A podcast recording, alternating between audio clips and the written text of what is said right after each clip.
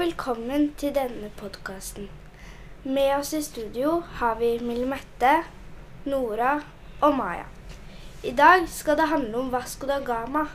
Tenk hvis dette skjedde i virkeligheten.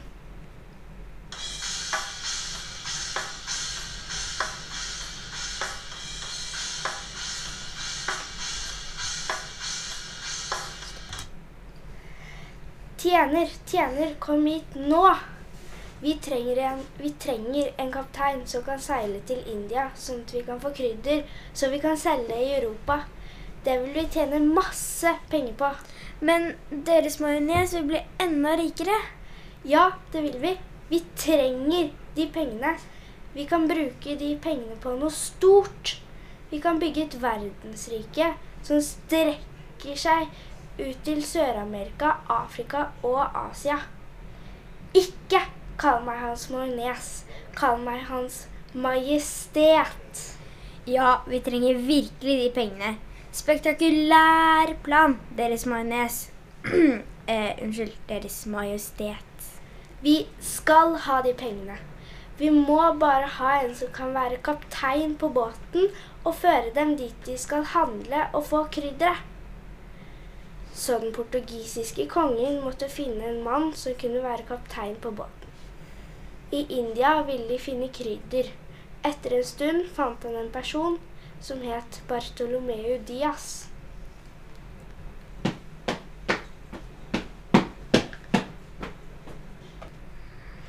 Du skal reise til India, og du skal skaffe meg krydder. Krydder, krydder, krydder, krydder, krydder, krydder. Og Bartolomeu Diaz satte i gang.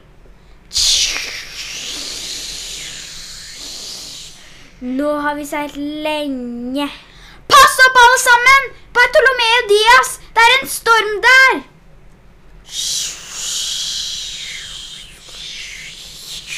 Nå har vi seilt lenge, og mange er sultne.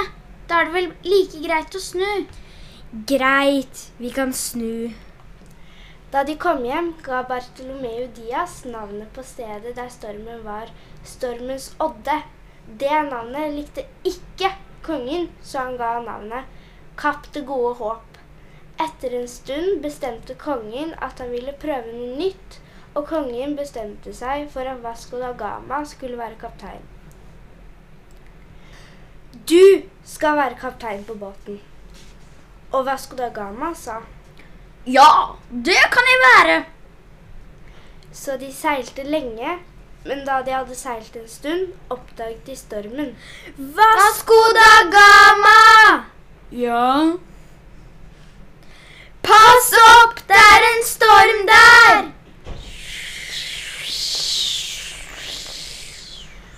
Og vaskedama sa, sa, og vaskedama sa det samme som hun hadde gjort da Bartolomeu Dias var på reise. Vi har reist lenge og er sultne. Kan vi ikke like gjerne bare snu? Nei, vi kan ikke snu nå!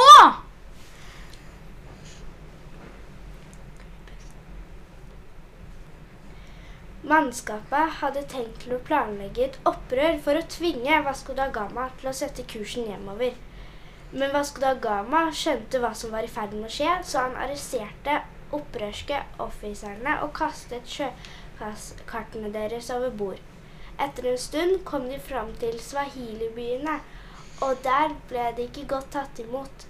Det eneste stedet de ble godt tatt imot, var, var en by som het Medina. De fikk tak i en arabisk lo som førte dem trygt over til, over til en by som het Calcut på vestkysten av India. De handlet med dem og fikk krydder.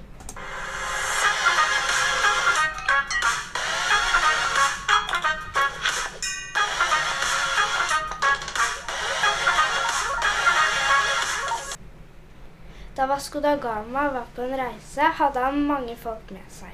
Vasco da Gama er død, men vaskedamen Adelina var på, på båten, er ikke det. Så vi har hatt et lite intervju med henne og spurt henne litt om hvordan det var på båten. Hei, Adelina. Hei, takk for at jeg fikk komme hit i dag. Nei, det er jeg som skal takke. Vi starter med noen enkle spørsmål. Ok. Var det spennende å være på båten Vasco da Gama, og den portugisiske kongen spurte deg om å dra? Ja, det var veldig spennende å reise. Det var veldig gøy at kongen ville ha akkurat meg på båten. Ja, det skjønner jeg. Men kan ikke du si litt hvor lang tid det tok cirka på reisen? Det tok sånn cirka to og et halvt år. Det var i hvert fall det vi hadde beregnet maten og utstyret på. Flåten besto av tre skip. Sao Gabriel, Sao Rafael og Sao Miguel. Spennende. Hvor mange var det på båten, da? Syns du det var for mange eller for lite mat, eller var det sånn helt passe? Det var 170 mennesker om bord. Mange ble sultne, og det var derfor mange mennesker dro da vi passerte stormen. Jeg kunne tenke meg at det var litt skummelt med den stormen. Men du, hvorfor ble akkurat Vasco da Gama kaptein? Gamas ferdigheter som leder av ekspedisjonen lå i utgangspunktet i hans status som medlem av Manuels hoff og hans tidligere sjøkrigserfaring. Det hersker likevel uenighet om bakgrunnen for utnevnelsen. Noen mener at stillingen opprinnelig var tiltenkt hans far, og at Gama ble aktuell først ved farens død. En annen tolkning går ut på at stillingen var tiltenkt hans eldre bror Paulo, og at Vasco ble utpekt da broren trakk seg. eh ok, spennende. Veldig bra svart. Uh, tusen takk for at vi fikk snakke med deg i dag. Var det alt? Ja, vi har jo På 1400-tallet og 1500-tallet vokste Portugal fram som en verdensmakt i løpet av Europas oppdagelsestid. Da de, da de bygde opp et stort verdensrike gjennom okkupasjon i Sør-Amerika, Afrika og Asia. Vi har så lite penger etter vi bygde opp det store verdensriket som strekte seg ut i Sør-Amerika, Afrika og Asia. Skjønner du? Jeg skjønner. Takk for at vi fikk snakke med deg. Ha det godt.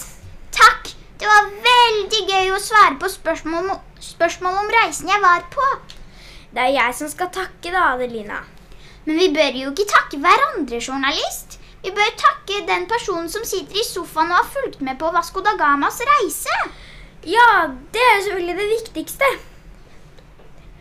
Ha det.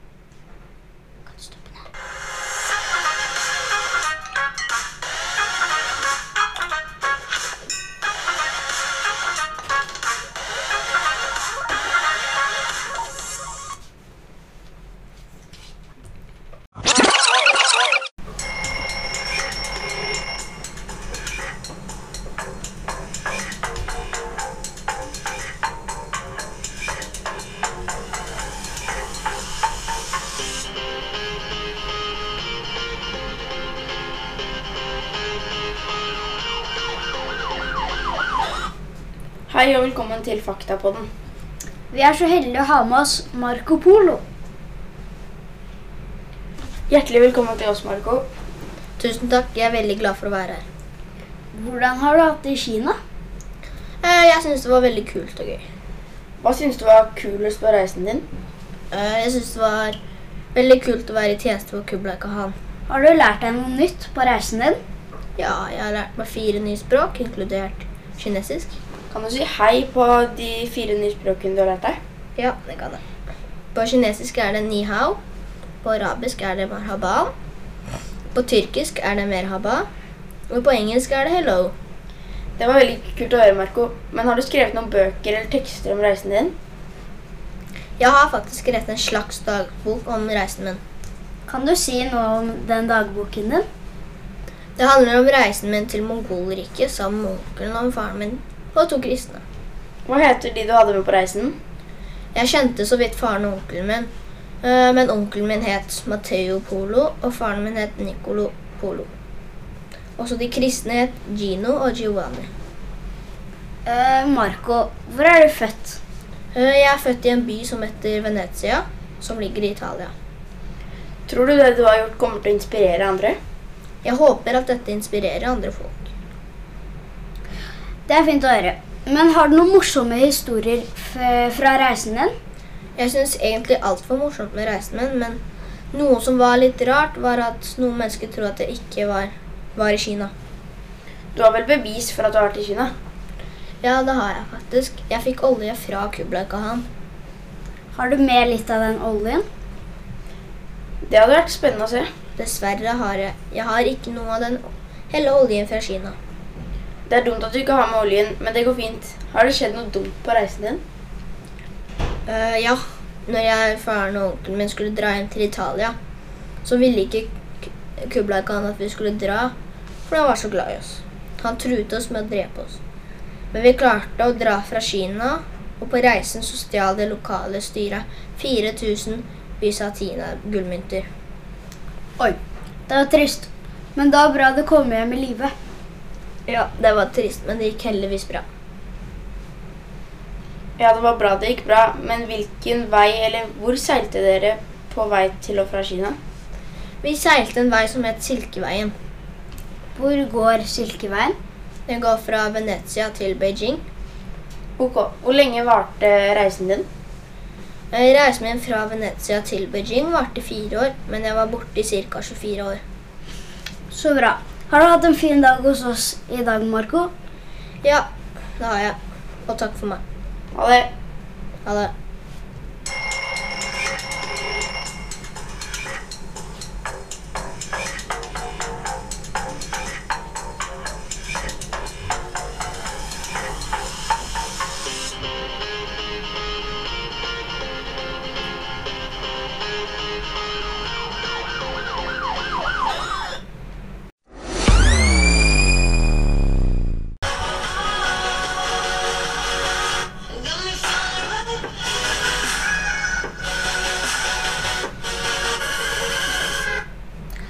Og velkommen til denne podkasten om Vasco da Gama.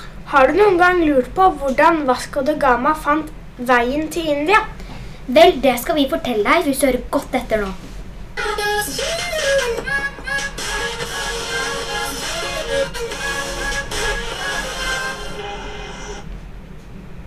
Vasco da Gama ble født i Portugal i hovedstaden Sinnes, Atlanterhavskyst, sør for Lisboa i året 1469.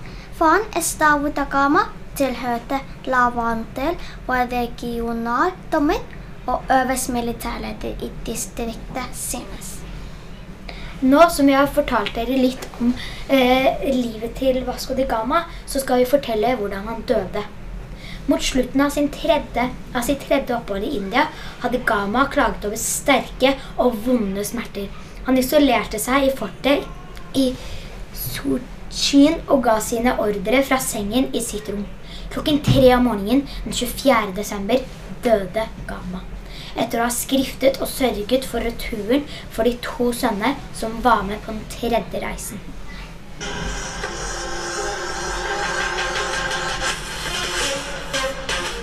Nå skal jeg fortelle dere et lite dramastykke om den første reisen til Vasco de Gama. Hvor er krydderet mitt? Jeg vet ikke. Jeg tror det er tomt. Tomt! Jeg kan ikke være tom. Dra til India og få tak i så mye krydder du kan til meg. Men ingen vet veien.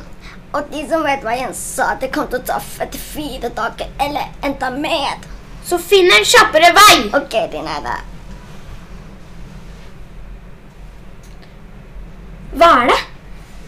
Kongen vil at du og ditt mannskap skal finne en kjappere vei til India. For at dere skal få tak i så mye krydder på en mye kjappere måte. Altså, Jeg er jo Dias og en utrolig flink sjømann, så dette tror jeg vi klarer. Vi drar nå. Hva skal vi gjøre, kaptein? Vi skal til India. Vi må finne en sjøvei for at kongen skal få krydder og bli rik. Ok, Da tenker jeg at vi reiser gjennom Afrika på nedsiden. Selv om ingen har tenkt på det, så tror jeg det kan være en lur måte. Det er en stor storm på vei, kaptein. Vi må snu nå.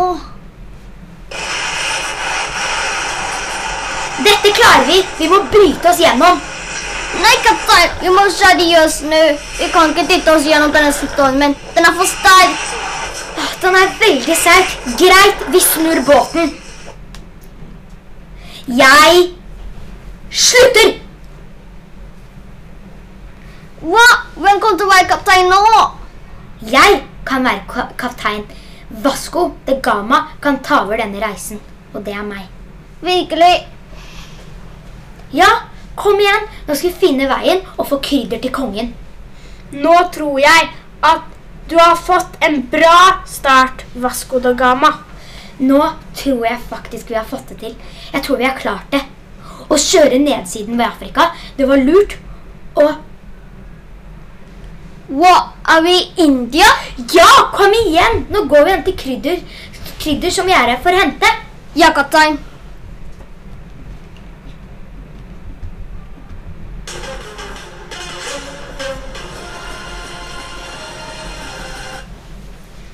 Nå skal vi få se sjelen til Vasco da Gama.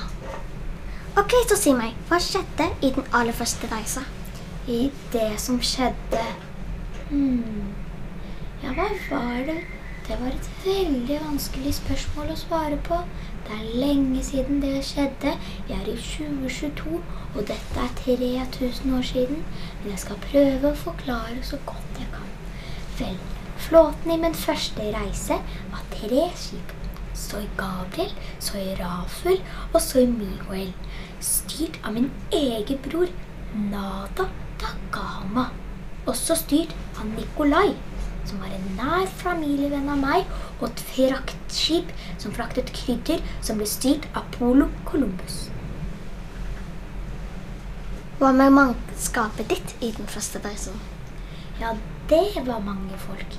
Mange som hjalp til. Jeg tror kanskje det var rundt 170 venner i mannskapet, jeg. Hmm. Hva med en spesifikk mann som har vært med deg i dine reiser? Ja, jeg vet om det, om det.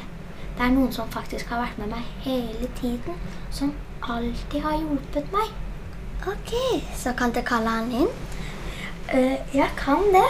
Nå kommer jeg til å ødelegge stemmen min. Ole Per! Hva? Vi blir intervjua. Av hvem? Av oss. Vi skal stille deg noen spørsmål. for Var det mange som ble sjøsyke i reisen? Nei, ingen ble veldig sjøsyke. Det var bare ganske mange som ble sjøsyke i stormen. Uh, ok, hvor mange dager tok det dere til å komme til India på den første reisen? Jo, det tok sin tid, men det var nemlig 23 dager. Og over havet med mye vind så tok det 132 dager til sammen. Wow, så lang tid. Vel, ok. Siste spørsmål. Var det veldig kjedelig på deg sånn? Ja eller nei, det var noen ganger kjedelig, men vi hadde det ganske gøy på veien. Nei, Ole Per, ikke si sånn. Vi hadde det nesten ikke kjedelig. Vi koste oss, vi fant veien, og vi hadde det bra med vennene våre. Og fant mange fine toppluer. Og så ble vi glade når vi fant til, og vi fant veien, og vi skjønte at vi hadde fått til noe spesielt. Ah, vel, ok, men dessverre at dette ender av vår podcast. Så Takk for oss! Vi håper dere lærte noe av denne podkasten om Vasco da Gama. Ha det!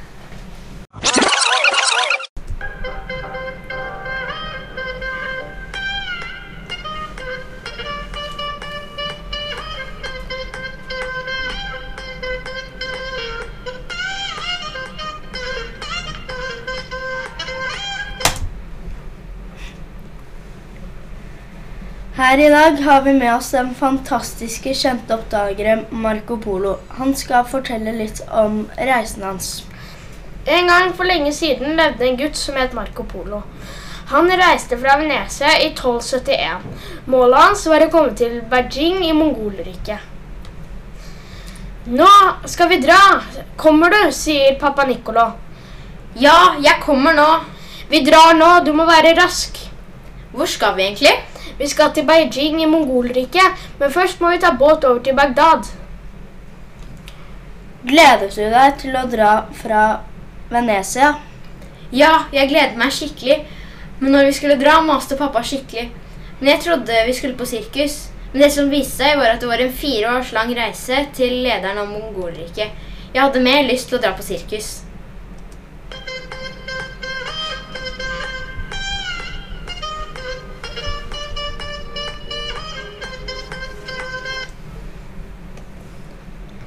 Marco Polo var en italiensk handelsreisende og oppdager. Han vokste opp i en anerkjent, familie, anerkjent handelsfamilie i Venezia. Uh, hans far Nicolo Polo var en handelsmann av adelig byrd. Poloslekten har antageligvis sine røtter i Dalmatia i Italia. Hva var det gøyeste på reisen? Det gøyeste var å se nye steder. Fikk du deg egentlig noen nye venner på reisen? Nei, jeg var for det meste med pappa. Hvor gammel var du når du skulle reise? Jeg husker ikke akkurat hvor gammel jeg var, men jeg var en tenåringsgutt. Når på båten til Bagdad var du mest irritert? Da jeg var på do. Hva følte du da du var på do? Irritert fordi bøtta greide ikke å være stille. Så dro poloene videre mot Jerusalem for å finne hellig olje, for å ta med seg til lederen av Mongolriket, Klubai Khan. Poloene hadde egentlig planer om å ta sjøveien over Hormus, men det var for risikabelt at de valgte å fortsette over land, også kjent som Silkeveien. På den tiden het ikke Silkeveien, det het faktisk ikke noe. Marco Polo dro videre til eh, Iran og over til Badakhshan, som er en, eh, som er en del av, av Afghanistan. Men, eh, og i Badakhshan oppholdt de seg nesten et år etter at eh, Marco Polo fikk et malariaanfall. Kjente du malariaanfallet? Ja, det gjorde jeg. Det gjorde veldig vondt. Hvor var det vondt? Ja, jeg døde av smerte og så vondt oppkast etter oppkast. Poloene reiste Silkeveien over til Beijing i Mongolriket og ble tatt godt imot av, den, eh, av Klubai Khan. De oppholdt seg i Mongolriket og gjorde tjenester for Klubai Khan i over 20 år. Lærte du noe på reisen? Ja, jeg lærte mye, annet fire nye språk. Hva mer lærte du? Jeg lærte å ta araber flikkflakk på et suppbrett.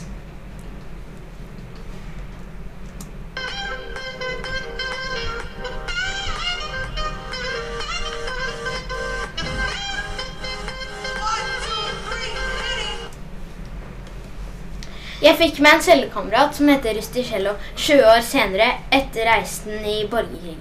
Han fortalte det jeg reiste med om.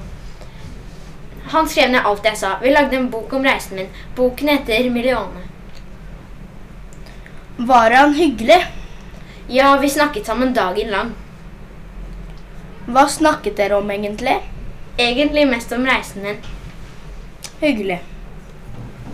Ok, da er vi vel ferdig. Takk for at du kunne komme, Marco Polo. Ha det bra!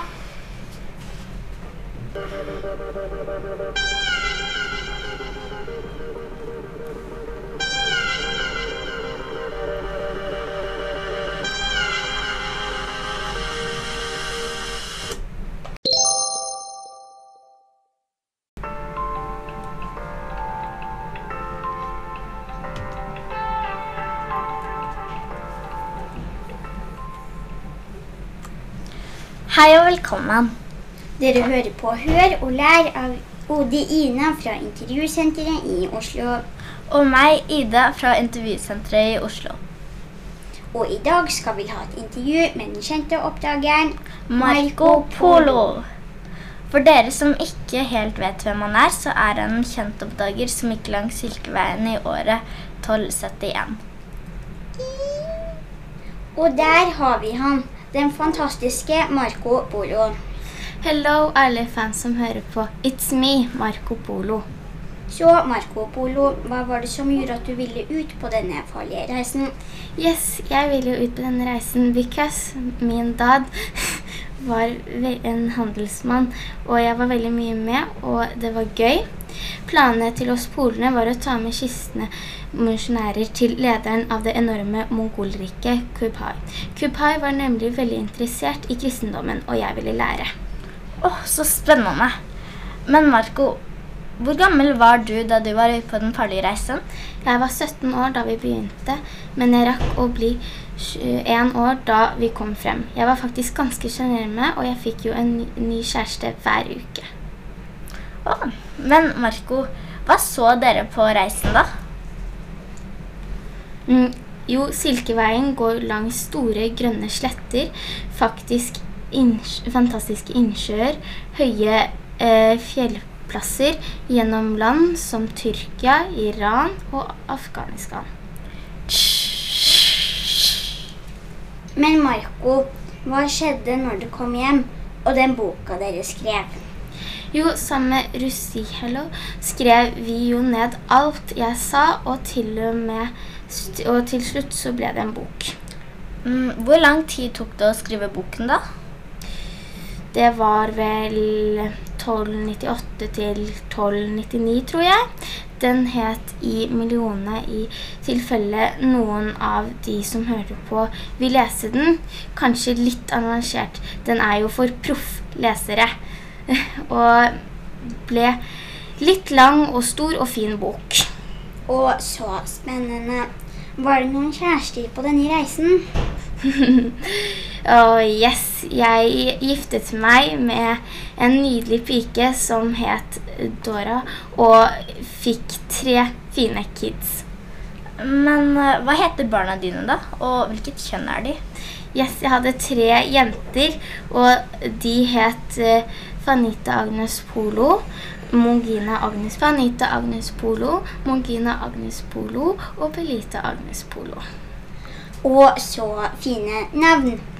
Det synes de, eh, også med kona mi. Åh, så spennende. Yes, jeg hadde et spennende liv. Ja, takk for at du hørte på.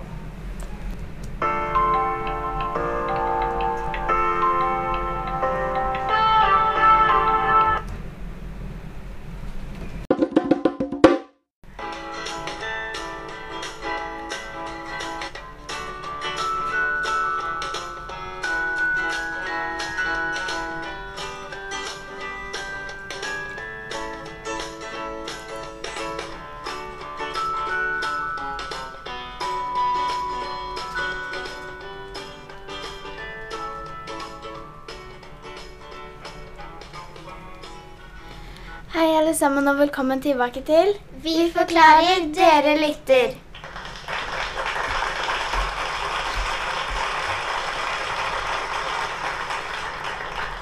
Hei, i dag så skal vi forklare dere om reisen til en veldig kjent oppdager. Ja, det er nemlig Kristoffer Columbus vi skal forklare for dere i dag.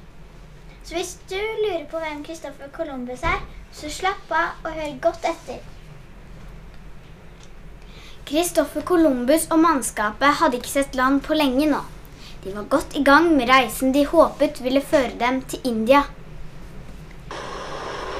Kristoffer Columbus, er vi snart fremme? Ja, det må vi snart være. Ut fra mine beregninger er vi der i morgen tidlig. Det var godt. Mannskapet begynner å bli lei. Neste dag skimtet Kristoffer Columbus land. De steg av skipene og gikk inn på en strand. Columbus kysset bakken. Så satte han et rødt, hvitt og gult flagg i bakken og sa Jeg tar herved dette land i eie for kongen og dronningen av Spania. Vi er endelig kommet til India.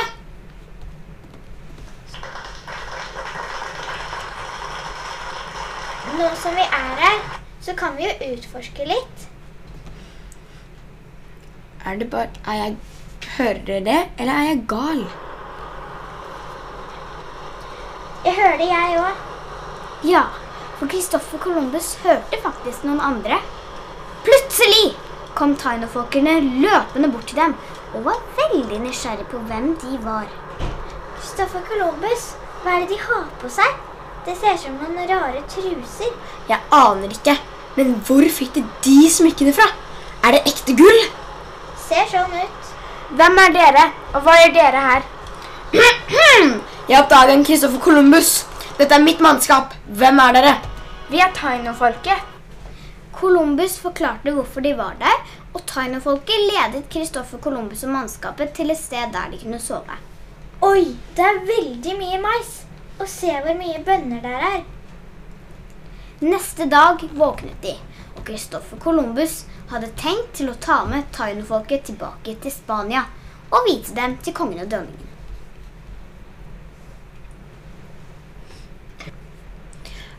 Alle sammen, hør etter. Vi skal eh, ta dere med til Spania.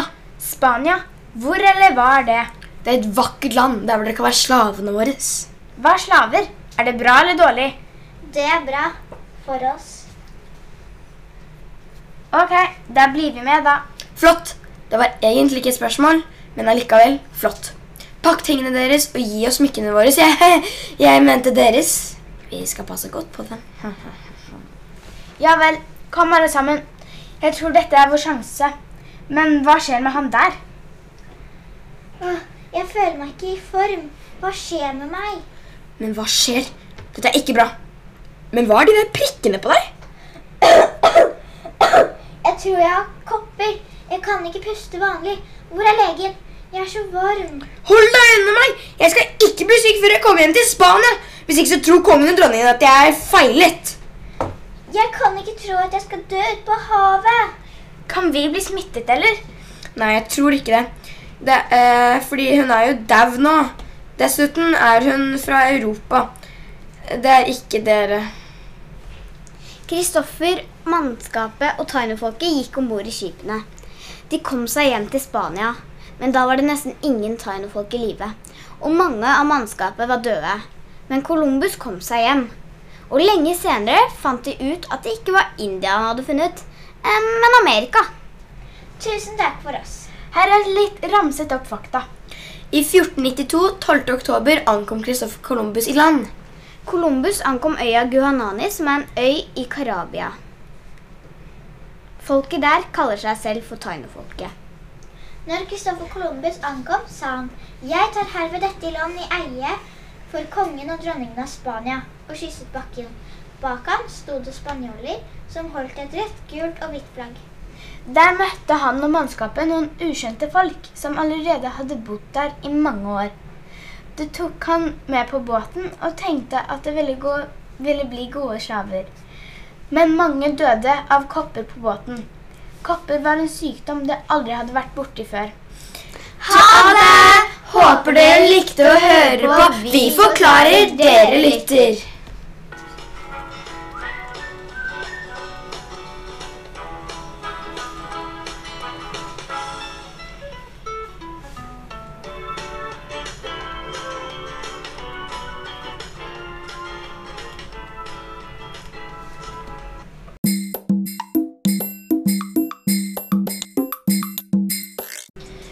I dag har vi med oss en spesiell gjest, nemlig Kristoffer Columbus. Hei, hei. Hvor er vi nå, Kristoffer? Nei, vi er i studio, da. Velkommen hit. Jo, takk, takk. Ja, Grunnen til at vi valgte å ha deg i studio i dag, er av alt det du har opplevd. Det er jo helt absurd. Ja, jeg var den første til å oppdage Amerika, men jeg trodde det var India, da. Jeg kan ikke fortelle litt om reisen din og hvordan det var å være på en slik reise. Jo, det har jo vært en lang reise. Det tok nesten tolv år å, eh, å komme i land i Amerika i 1990, nei, 1492. Jeg reiser med båtene Santa Maria, Nina og Pinta, så det ble en del, men det ble selv om en del reise. Hvordan var det å reise så lenge alene? Jeg var ikke alene, jeg hadde jo med venner der. Hvem var det du reiste med, da? Jeg reiste med landskapet mitt, Pål, Knut, Aksel og Leif. Du kan ikke fortelle litt om dem og hvem de er og sånt? Det var jo landskapet mitt, som sagt, men det var også noen av mine beste venner. Eller, ja, de var jo det. Eh, de fleste av de har gått bort nå, da.